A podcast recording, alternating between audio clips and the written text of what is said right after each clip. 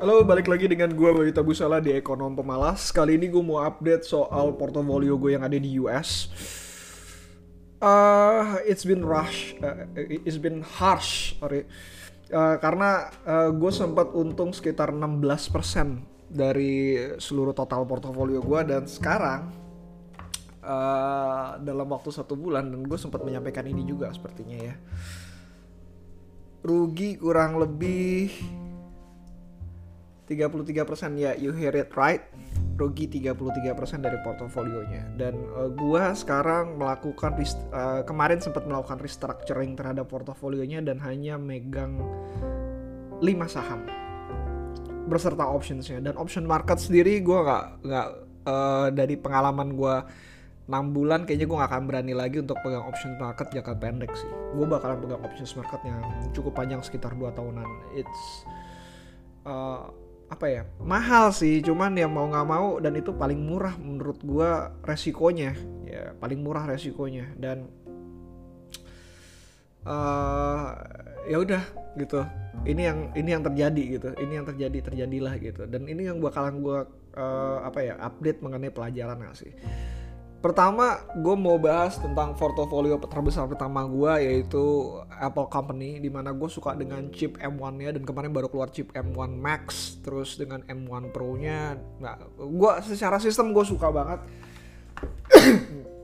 Saking sukanya gue dengan uh, Apple, gue beneran beli Mac One Mini, Mac Mac M1 Mini, sama gue beli iPad Air dan kebetulan emang karena diskon dari Chris Flyer dan poin gue cukup juga untuk beli gratisan ya udahlah gue beli aja. Jadi ada dua barang yang bener-bener gue ganti gara-gara gue suka banget dengan hardware produknya. Dan somehow menurut gue gue sangat senang dengan hardware ya tapi untuk M1 Mac Mini gue benci banget dengan Mac OS nya uh, ada yang bilang karena belum terbiasa dan segala macam even I bought the keyboard uh, for Mac uh, biar gue bisa kerja. Dia bilang katanya biar lu kebiasaan dan segala macam. Nggak juga ternyata emang sistemnya terlalu banyak error menurut gue ya. Terlalu banyak error uh, stabil tapi soft errornya banyak banget dan gue nggak suka itu gitu. Uh, beda dengan uh, apa Windows uh, gue bisa pindah uh, seamlessly antar pekerjaan gue dan uh, menurut gue nggak apa ya nggak nggak nggak nggak terganggu lah dengan eh, sedikit sedikit error itu uh, kalau ngelihat dari semuanya itu gue ngerasa bahwa untuk betting on Apple dengan OS-nya gue nggak terlalu apa ya nggak nggak terlalu inilah nggak terlalu oke okay lah. Tapi kalau misalkan lu betting on hardware sama gue ngerasa kayak Apple ini Android pada zaman dulu ya di mana sekarang Android sendiri lebih fully customized dibanding sama uh, iPad OS ataupun iPhone OS-nya gitu. Dan uh, apa ya dari dari dari yang gue pelajarin gue masih suka dengan tesisnya Apple. Tapi tapi setelah gue belajar dengan 100 Beggars dari si uh, uh, Myers gue ngerasa Apple terlalu besar untuk bertumbuh 100 Beggars lagi gitu. It's it's too large it's too large uh, gini aja deh kita kita ngobrol simpelnya sih. Kalau misalkan di Indonesia mungkin kalau lu punya portofolio yang angkanya 100 triliun lu bakalan susah untuk 100 biggest portofolio di Indonesia. Tapi secara global 100 triliun itu 100, 100 triliun rupiah ya 100 triliun rupiah itu masih bisa 100 beggars easily uh, karena market kapitalisasi di luar negeri itu jauh-jauh lebih besar. Even an Apple company is 2 trillion dollar company, jadi sekitar 30 ribu kali lebih tinggi dibanding 100 100 triliun itu gitu. Kalau misalkan lo apa ya apa lo investasi di Indonesia even dengan uh, the smallest company lo masih punya chance untuk 100 beggars di situ tapi kalau misalkan lu in globally lu lu paling tinggi banget udah paling gede gitu ya, ya lu susah gitu untuk hal speakers. Dan untuk hal tersebut gue sekarang masih mencari cara bukan mencari cara sih. Gue masih mencari investasi lain yang bisa menggantikan posisi Apple gue oh ya Apple gue udah positif sekarang ternyata. Nah, uh, kalau misalkan gue bisa uh, apa mencari hal tersebut ya gue bakalan switching dengan da dari portofolio Apple gue sendiri. Ya somehow uh, menurut gue it's a best strategy to do ya. Karena gue mencari 100 beggars dan we need to have it fast gitu. Kita benar-benar butuh uh, cepat gitu. Butuh cepat butuh butuh kayak cepat. Walaupun ya lo nggak nggak bisa juga gitu Nah, uh, berikutnya lagi portofolio gue yang terbesar kedua itu adalah Eli. Uh, gue masih betting on golf. Lagi-lagi ya karena ya lagi in, bener-bener lagi in lo kalau ngelihat grafiknya dan lagi-lagi gue mengatakan bahwa trennya tuh bener-bener lagi up banget gitu. Even temen gue yang nggak main golf pun sekarang main golf gitu. Yang kemarin zaman dulu nolak sekarang main golf uh, ada beberapa yang post Instagramnya adalah uh, stick golf atau club istilah di golfnya. Cup golf itu bener-bener dikeluarin punya bapaknya dan digunakan untuk bermain gitu. Even ada beberapa teman gue yang bener-bener heavily invest on club golf. Uh, ya barangnya sih nggak murah tapi permainannya sih permainannya murah gue bilangin ya permainannya murah. Lu cuma butuh 50 ribu sampai 100 ribu untuk 100 bola tapi investmentnya ya lumayan berat gitu ya untuk orang-orang baru gitu Nah, uh, eh, gue bener-bener heavily bet on apa Eli, uh, Callaway, Callaway uh, untuk investasi di dalamnya. Sebenarnya gue pengen untuk investasi di luar uh, apa ya, di luar Callaway sih. Kalau misalkan ada uh, apa ya kayak tailor made kayak gitu gue juga sebenarnya lebih lebih lebih cenderung pengen invest di tailor made cuman tailor made sendiri ternyata private company dan gue susah untuk aksesnya ya duit gue belum gede juga gitu. Berikutnya lagi gue punya joint chiropractic masih uh, ini adalah portofolio dengan keuntungan yang paling besar punya gue sendiri. Terus ada Matt MED uh, ini ML perusahaan MLM company dan gue beli beli pada harga paling paling tingginya di angka 300-an 300 dolar dan sekarang harganya di 199 dolaran uh, eh, gue losing sekitar 32% uh, cukup wow. Dan bahkan gue di mat ini gue nggak menggunakan options karena optionsnya super duper mahal banget gitu. Imply volnya udah nggak masuk akal sekali. Uh, berikutnya lagi gue ada si limited. Nah si limited ini sebenarnya gue betting bukan karena gue suka dengan Shopee-nya ataupun suka dengan Garena-nya karena ngelihat dari laporan keuangannya dan growth-nya itu benar-benar cukup menarik untuk investasi di perusahaan ini. Dan somehow gue ngelihat uh, hype dari Shopee ini tuh masih terus ada sih terus ada di luar negeri bukan di dalam. Karena gue sendiri gue ngelihat uh, ada mulai shifting dari Shopee Food ke mungkin Traveloka It kali. Ya balik lagi karena diskonan dan gue juga shifting. Uh, akibat dari si limited ini maksudnya kepemilikan gue dari si limited di mana gue akhirnya membaca laporan keuangan uh, eh, gue akhirnya apa ya uh, boleh dikatakan gue bisa bahas emiten yang nama namanya buka gitu ya buka lapak di mana gue waktu pas buka laporan keuangan ya gue bener-bener nggak suka banget dengan apa yang mereka laporkan gitu.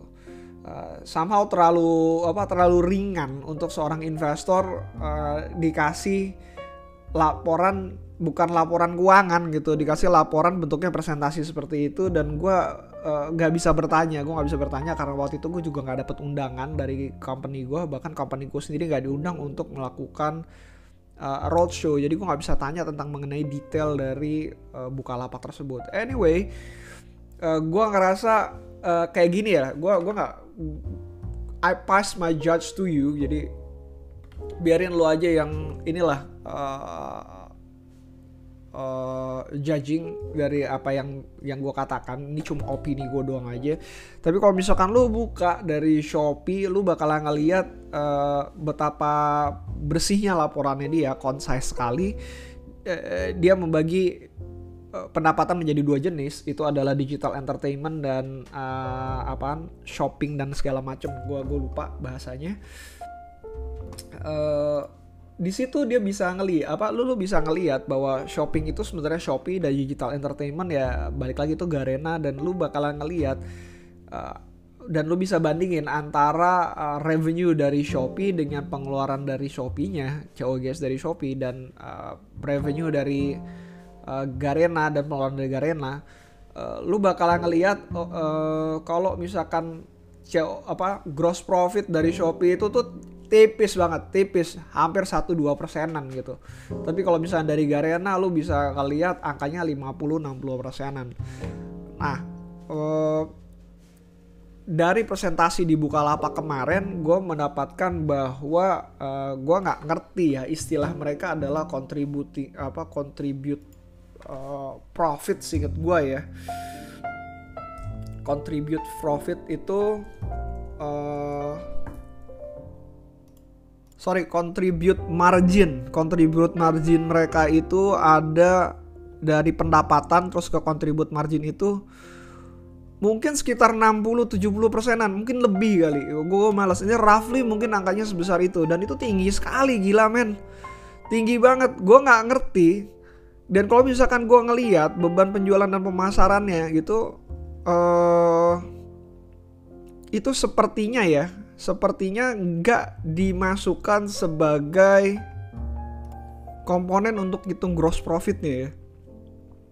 Dan itu gue bertanya-tanya di di sini sih sebenarnya dipisah gitu contribution margin beban penjualan dan pemasaran. Nah itu menurut gue COGS-nya gitu.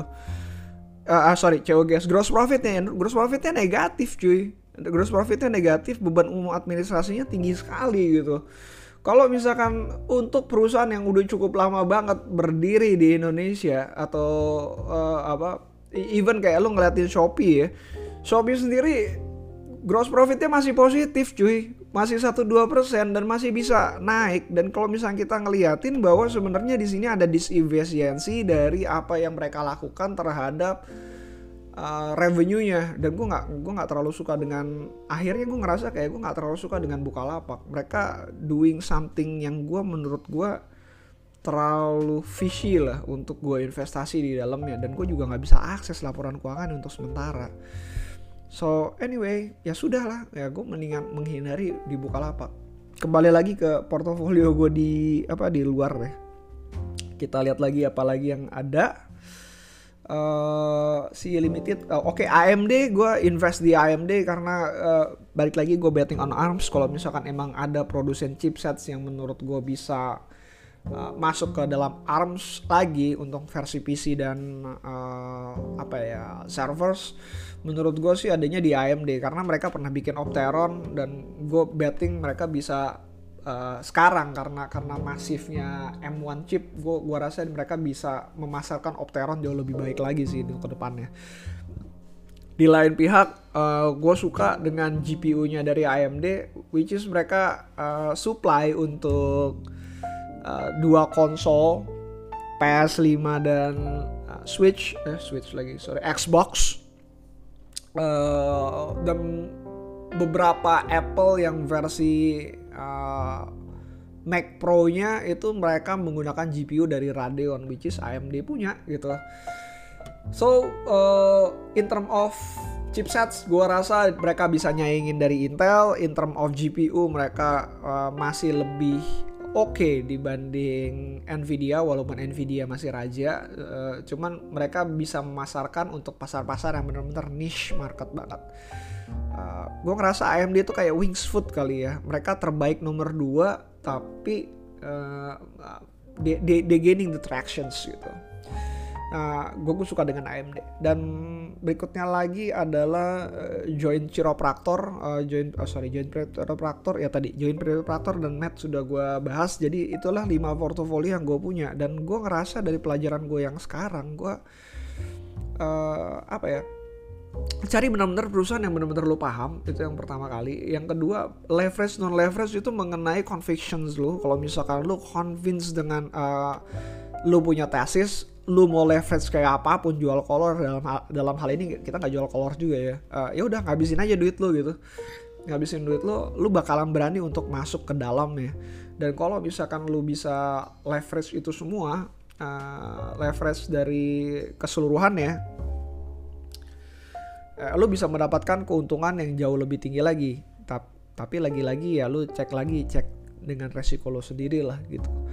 Uh, terus ketiga lu uh, invest. Walaupun sebenarnya perusahaannya bagus gue nggak bisa bilang Microsoft uh, Amazon Apple itu adalah perusahaan yang buruk ya. Mereka bertumbuh loh masih bertumbuh tapi mereka terlalu besar untuk menjadi a hundred beggars so saran yang ketiga dan pelajaran gue yang ketiga adalah cari company yang benar-benar uh, uh, second liner mungkin third liner yang benar-benar masih cukup bagus atau the next Amazon the next Apple in term of bukan bisnis model ya tapi in term of uh, gaining tractionsnya kalau misalkan lo bisa nemuin uh, tiga uh, apa tiga lagi perusahaan-perusahaan yang seperti itu ketika dalam masa rendah-rendahnya dan lo leverage mereka untuk uh, berinvestasi gue rasa lu bakalan dapat keuntungan yang benar-benar cukup baik lah.